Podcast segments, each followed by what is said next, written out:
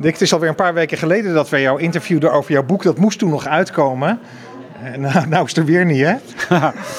ja, het was eh, binnen een week uitverkocht, inderdaad. Ja, de grote oplage. En, uh, maar ja, het heeft heel veel aandacht getrokken. En ja, mensen kopen het massaal. Ja, want hoe, hoeveel was die oplage? 4000. Ja, en nu is de tweede druk al. Ook 4000, ja. ja, ja dat... Dus dat gaat goed? Nou ja, ik denk dat het ook uh, dat dat niet voor niks is. Uh, nou, ten eerste is het een prachtig boek. Niet, niet door de teksten van mij, maar vooral ook door de foto's en de vormgeving. het is een boek waar je blij van wordt. En als je dat uh, denk je, wauw, wat is die natuur toch mooi. En mensen hebben daar ook behoefte aan. Zeker nu kan de televisie niet aanzetten of je ziet Gaza of Poetin, Trump. Dan denk je, jeetje, is er nou niks fijns, ook iets, uh, iets, iets anders. En ik denk dat dit boek in die behoefte voorziet. Nou heb ik vanavond ook nog wel een paar dingetjes geleerd. Uh, dat wij verwant zijn aan vliegenzwammen. Ja, alle dieren hebben meer gemeen met schimmels dan met dan planten onderling. Hè, dan zeewieren met planten, zeg maar. Waarom? Schimmels die halen hun voedsel uit de grond. Alleen dieren hebben daar iets heel slims voor gedacht. Namelijk, die doen het in hun lichaam. En dat noemen we maag. En dan kunnen ze weglopen en dan kunnen ze dat verteren. Maar wij zijn zeer nauw verwant met een gistcel. Hoe zat dat nou met die kamelen en dat bos? Kijk, iedereen kent wel die geur als het, uh, als het droog is geweest en dan gaat regenen. Dan gaat het bos heerlijk geuren. Echt die, die regenlucht. Nou, en die, die geur die heet petrigoor. En die wordt veroorzaakt door bodembacteriën. Het stofje waar het precies om gaat, het hoofdbestanddeel heet geosmine. Moeilijk woord. Betekent aardgeur, betekent het letterlijk. En dieren ruiken dat van zeer grote afstand. Kamelen met een hele uh, scherpe neus, die ruiken dat van 75 kilometer afstand omdat water levensreddend is. Je bent ook van de Partij voor de Dieren natuurlijk. En het is verkiezingstijd. Ja, dat boek is geen politiek boek, maar je kan niet anders uh, dan als je over de natuur schrijft, kom je ook op de grenzen die de natuur tegenkomt. De dieren, het weidegebied. En ja, dan, dan, daar moet je dan over, over schrijven. Ik, ik heb over het everzwijn geschreven. Maar ja, ik denk dan toch wel, er leven miljoenen, uh, noemen we dan geen everzwijnen, maar varkens in de bio-industrie. En die hebben precies dezelfde behoefte als die everzwijnen. Die hebben ook jonkies en die willen ook lekker vroeten. Kunnen ze niet. Dus ik heb daar af en toe toch wel iets ingezet, maar ik heb het niet ingepeperd. Het is geen politiek boek. Want daar is Martine voor. Ja, ik bracht de politiek in de, in de avond. Want uh, Dick zei het al.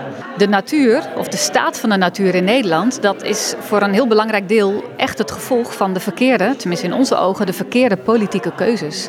We hebben ons uh, land zo ingericht dat het optimaal is voor de landbouw, maar dat het desastreus is voor de natuur. Meer dan de helft van heel Nederland wordt, wordt in beslag genomen door de intensieve veehouderij. Meer dan de helft van Nederland. Dat is toch eigenlijk onvoorstelbaar? Het is gewoon ronduit oneerlijk. Wij in, hier in Leiden vechten we elkaar bij wijze van spreken de tent uit voor elke vierkante meter. En daarbuiten ligt gewoon de helft van Nederland is strak ingezaaid met Engels rijgras. En Dick noemde het al grasvalt.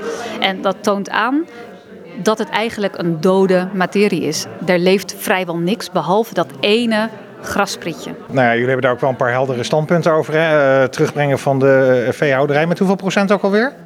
Ja, wij willen graag dat uh, het aantal dieren in de veehouderij krimpt met 75 procent. En dat is niet niks. En dat gaat heel veel mensen raken. Maar het is ontzettend hard nodig. Want die ruimte die we terugwinnen, die kunnen we gebruiken om de natuur te versterken. Want dat heeft de natuur nodig. En daarnaast hebben we ook nog voldoende ruimte om bijvoorbeeld duurzame woningen te bouwen. Want woningen zijn ook keihard nodig. Maar de natuur herstellen en de natuur versterken, dat is de hoofdzaak. Het gebeurt toch ook al wel? Want er zijn toch ook uh, Europese wetten die Nederland en ook alle andere landen daartoe verplichten? Of komt het er in praktijk niet zo van? Nou, dat laatste. In de praktijk wordt het ontzettend aarzelend toegepast. En het moet eigenlijk gewoon binnen twee jaar geregeld zijn. En dat kan ook, hè? als je daar de politieke moed voor hebt en als je het prioriteit geeft, dan kan het gewoon geregeld worden. Jullie uh, staan nu in de peilingen op zeven zetels hè? en jij staat op plek zeven. Ja, het Dus dat is nog even spannend. Het is een hele spannende plek. Uh, kijk, verkiezingen zijn altijd spannend. Maar uh, nu voor mij persoonlijk is het nog een keer extra spannend. Want ik zou me zo uh, volgende week naar de Tweede Kamer kunnen gaan. Een tijdje geleden stonden jullie er beter voor. Toen kwam er gedoe in de partij. Is dat nou echt achter de rug? Want je hoort het ook vanavond in de zaal. De mensen vragen daar gewoon om. Ja, er was een vraag uit de zaal en mevrouw vroeg van ja, ik ben nog zwevende kiezer. En uh, wat zorgt dat ik zweef is dat ik me ook zorgen maak over het gedoe in de partij. Ja, en wat, wat ik toen zei van nou, ik snap dat. Het waren voor mij ook echt geen leuke weken om PVDD'er te zijn. Dat was echt heel vervelend.